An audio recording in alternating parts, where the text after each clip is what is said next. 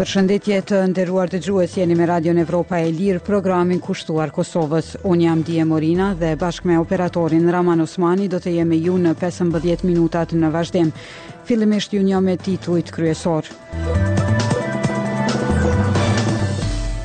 Nis samiti për Ukrainën në Tiranë. Bisedimet për rregulloren e Bankës Qendrore të Kosovës të vazhdojnë me urgjencë, thonë nga Departamenti Amerikan i Shtetit. Sipas OKB-s, një çerek i popullsisë së Gazës është një hap larg urisë. Për këto dhe informacione të tjera, ju ftojmë të qëndroni me ne. Radio Evropa e Lirë është media e pavarur amerikane e themeluar nga Kongresi i Shteteve të Bashkuara të Amerikës. Misioni ynë është promovimi i vlerave dhe institucioneve demokratike. Presidenti i Ukrainës Volodymyr Zelensky u takua sot me kryeministrin e Shqipërisë Edi Rama në Tiranë para mbajtjes së samitit për Ukrainën. Në samitin që ka filluar sot po marrin pjesë disa liderë të Evropës Juglindore. Pas takimit mes kryeministrit shqiptar dhe presidentit ukrainas u takuan edhe delegacionet e të dyja shteteve. Takimet u përmbyllën me nënshkrimin nga Rama dhe Zelensky të traktatit të miqësisë dhe bashkëpunimit mes dy shteteve. Traktati i shërben konsolidimit të miqësisë mes dy vendeve dhe popujve përmes zgjerimit dhe forcimit të bashkëpunimit në fusha të ndryshme me interes të ndërsjellë, u tha në një njoftim nga qeveria shqiptare. Udhëheqësi ukrainas ka mbërritur në Tiranë pak para mesnatës, sipas ministrit shqiptar për Evropën dhe Punët e Jashtme, Igli Hasani. Kjo është vizita e parë e Zelenskyt në Tiranë, e cila vjen pak ditë pasi u bënë dy vjet prej se Rusia nisi pushtimin në shkallë të plotë të Ukrainës. Në delegacionin e Ukrainës bën pjesë edhe ministri i Jashtëm i vendit, Dmytro Kuleba. Mëngjesin e sotëm ai u takua me homologun e tij shqiptar, Igli Hasani. Kuleba tha se është mirënjohës ndaj Shqipërisë për organizimin e samitit, i cili tha se dërgon një mesazh të qartë se mbetemi të bashkuar.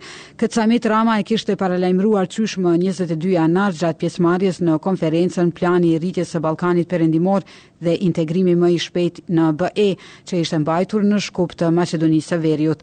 Atë kohë ai kishte thënë se në të do të flitej për çështje të sigurisë dhe për mbështetjen për Ukrainën në luftën e saj kundër agresionit rus.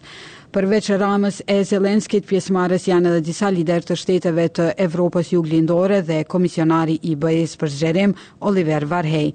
Kosovën në këtë samit e përfaqëson presidentja Vjosa Osmani.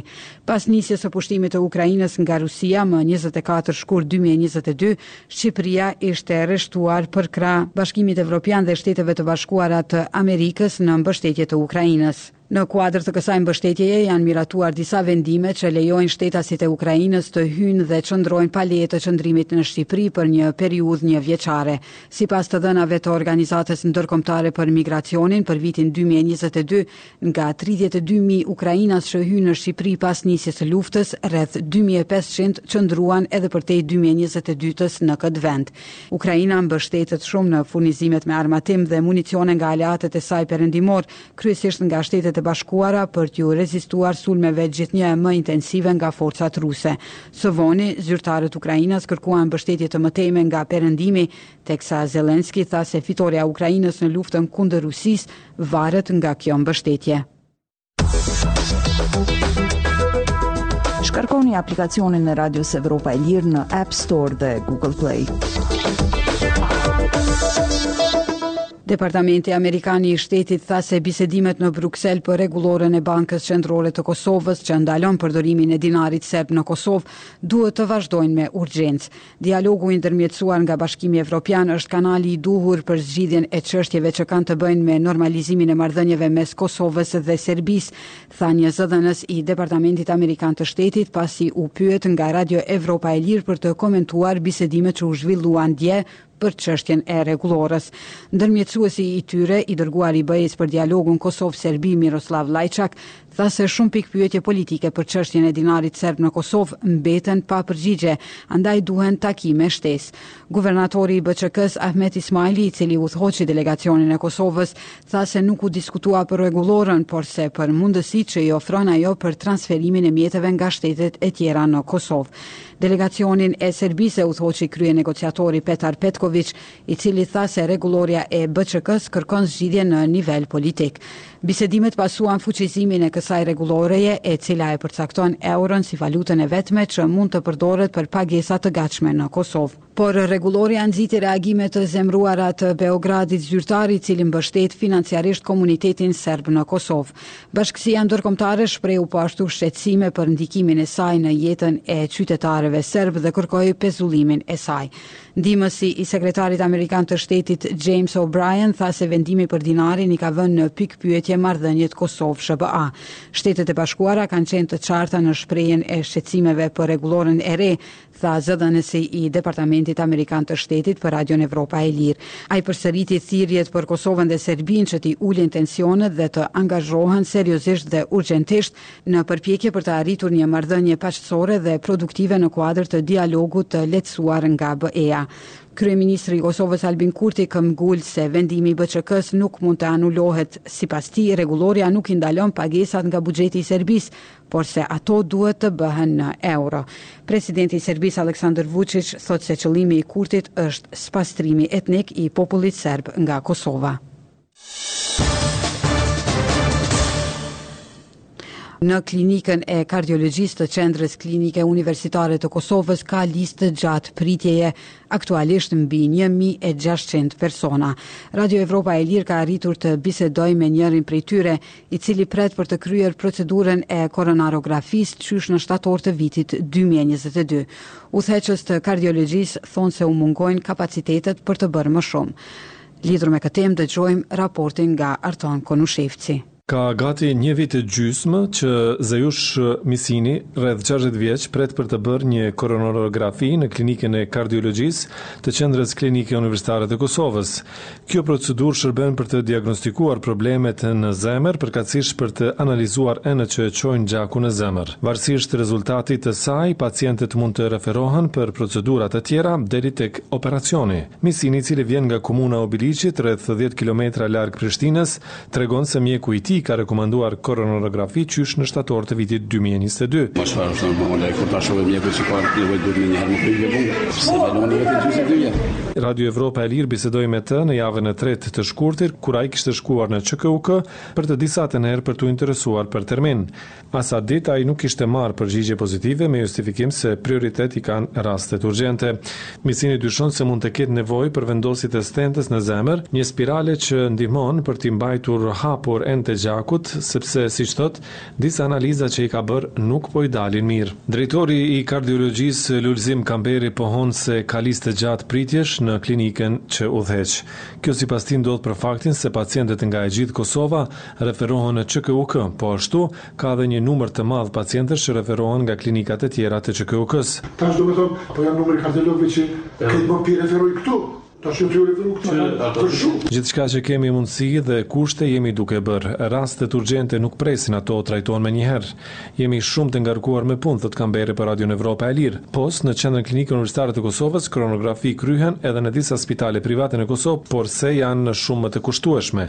Kamberi thotë se brenda ditës në kardiologji kryhen dhjetë deri në trembëdhjetë procedura të tilla. Klinika i ka vetëm dy salla që sipas Kamberit nuk mjaftojnë. Me një sallë të një e cila tash para një para një muaj është renovuar. Kamberi kujton se deri vonë ka qenë një komision që ka përpiluar listën e pacientëve që kanë nevojë për koronografi, ndërsa tash rastet regjistrohen vetë vetëm me një rekomandim të mjekut. Më herët janë regjistruar pesë-gjashtë pacientë në ditë, kurse tani kemi pesëmbëdhjetë e më shumë, thotë ai. Një arsye tjetër që mund të ketë ndikuar në fluks të madh pacientësh është edhe vetëdijësimi gjithnjë e më i madh i qytetarëve për shëndet, thotë kardiologu Agron Çerimi, i cili punon në një institucion privat në Kosovë. Pritjet për një periudhë të shkurtër ndodhin edhe në vende të tjera, por jo më shumë se një vit. Na duhet të mundohemi që gjithmonë pacientit t'i ofrojmë shërbim Sa ma të hershëm, sa ma shpejt, sa ma kualitativ edhe ma të sigurt. Duke folur në kushtet e anonimitetit, një infermiere në kardiologji i tha Radios Evropa e Lirë se aktualisht janë mbi një mijë e gjashtëqind persona në listë të pritjes për koronografi. Pritja, sipas saj, zgjat nga disa javë deri në disa muaj. Ka raste kur i thrasim pacientët dhe na thonë jo, e kemi kryer këtë punë. Ka raste kur na konfirmojnë se vijnë dhe nuk paraqiten. Por ka raste edhe kur na thonë se pacienti ka vdekur, thotë ajo. Këta të fundit, sipas saj, janë kryesisht të moshës mbi tetëdhjetë vjeç. Në një nga takimet e fundit të Bordit të Shërbimit Spitalor Klinik dhe Universitar të Kosovës, institucion që mbikëqyr QKUK-në dhe spitalet rajonale iu bë thirrje udhëheqësve të klinikave që t'i kushtojnë më shumë kujdes planifikimit të termineve për pacientë. Duke diskutuar konkretisht për situatën në kardiologji, bordi tha se pritjet deri në një vit e gjysmë janë të pakuptimta dhe të paarsyeshme. I pyetur nga Radio Evropa e Lirë se a ka plane konkrete për trajtimin e kësaj problematike, drejtori i përgjithshëm i SHSKUK-së, Elvir Azizi tha, Ne planifikojmë të ndajmë edhe mjete të tjera për Klinikën e Kardiologjisë në mënyrë që të ofrojmë sa më shumë shërbime dhe të ulim numrin e rasteve në pritje. Azizi nuk specifikoi më shumë, por për vitin e kaluar, Shërbimi Spitalor Klinik dhe Universitar i Kosovës ndau një pikë gjashtë e dy milionë euro për furnizimin e kardiologjisë me materiale shpenzuese dhe stenta. Atë vit, sipas një dokumenti që e pa Radio Evropa e Lirë, në kardiologji janë kryer katër mijë e pesëdhjetë koronarografi dhe janë vendosur tre mijë e katërqind e pesëdhjetë e tetë stenta. Sipas drejtorit të Shërbimit Spitalor Klinik dhe Universitar të Kosovës, shumë e ngjashme e parave është ndarë edhe për vitin dy mijë e njëzet e katër. Por kardiologjia nuk është e vetmja klinikë ku pacientët përballen me pritje. Radio Evropa e Lirë ka raportuar më herët për pritjet deri në tre vjet në Klinikën e Kirurgjisë Vaskulare të QKUK-së dhe në të tjera. Atë kohë, nga Ministria e Shëndetësisë kanë thënë se përmirësimi i cilësisë së shërbimeve është paraparë të bëhet përmes decentralizimit të sistemit spitalor dhe riorganizimit të QKUK-së. Për Radion Evropa e Lirë nga Prishtina, Arton Konushevci. Në evropaelire pikë org mund të lexoni materiale dhe analiza ekskluzive nga vendi, rajoni dhe bota. Vazhdojmë edicionin me zhvillimet ndërkombëtare. Të paktën një çerek i popullsisë së Gazës Pesëqind e shtatëdhjetë e gjashtë mijë persona janë një hap larg urisë, ndonëse edhe pjesa tjetër e popullatës ka nevojë të madhe për ushqim dhe për pasojë disa kamionë me ndihma janë plaçkitur prej njerëzve të uritur, kanë thënë zyrtarë të Kombeve të Bashkuara. Punonjës të Zyrës së OKB-së për Ndihma kanë thënë se situata në Gazën me dy pikë tre milionë banorë është shumë e zymtë dhe ka mundësi që situata të përkeqësohet edhe më shumë. Ai ka thënë se përveç çerekut të popullatës që përballet me uri, një në gjashtë fëmijë nën moshën dyvjeçare në veri të Gazës janë duke u përballur me kequshqyerje akute dhe trupi i tyre po dobësohet. Karl Skau, zëvendësdrejtor ekzekutiv i programit botëror të ushqimit, ka thënë se ky është niveli më i keq i kequshqyerjes në gjithë botën. Presidenti amerikan Joe Biden i ka fituar lehtësisht zgjedhjet paraprake demokratike në Michigan të martën, mirëpo një votë proteste e demokratëve të zemëruar për mbështetjen e tij për luftën e Izraelit kundër Hamasit në Gazë, i ka tejkaluar pritshmëritë e organizatorëve. Hamasi, grup palestinez që udhëheq Gazën, është shpallur organizatë terroriste prej Shteteve të Bashkuara dhe Bashkimit Evropian. Ish-presidenti amerikan Donald Trump i ka fituar bindshëm zgjedhjet paraprake republikane në këtë shtet, duke i rritur mundësitë për të fituar nominimin e partisë së tij për zgjedhjet presidenciale të nëntorit. Ndonëse Biden dhe Trump është pritur që të fitojnë lehtësisht në zgjedhjet paraprake në Michigan, procesi i numërimit të votave është vëzhguar prej afër për të parë dozën e mbështetjes që ata gëzojnë. Në Michigan, ku gjendet një komunitet i madh arabo-amerikan, votuesve demokratë u është bërë thirrje që të plotësojnë fletëvotimet si të pavendosur, si shenjë proteste për politikën e Biden për Gazën. Pas pothuajse gjysmës së votave të numëruara, numri i votuesve të pavendosur ka shkuar në mbi pesëdhjetë e tetë mijë, sipas organizatës Edison Research, duke e tejkaluar shifrën dhjetë mijë që e kishin pritur organizuesit e protestës.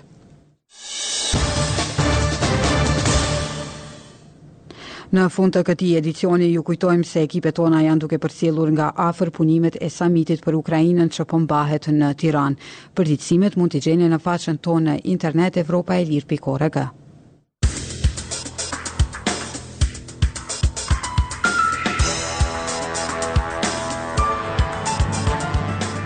Ishin këto të gjitha materialet e përgatitura për edicionin e mesditës. Për lajmet e fundit dhe informacione të tjera mund të vizitoni faqen tonë në internet evropaelire.org. Jemi aktivë edhe në rjetet sociale Facebook, X, Instagram, Threads dhe YouTube. Deri në takimin tonë të radhës, mirë mbetshi.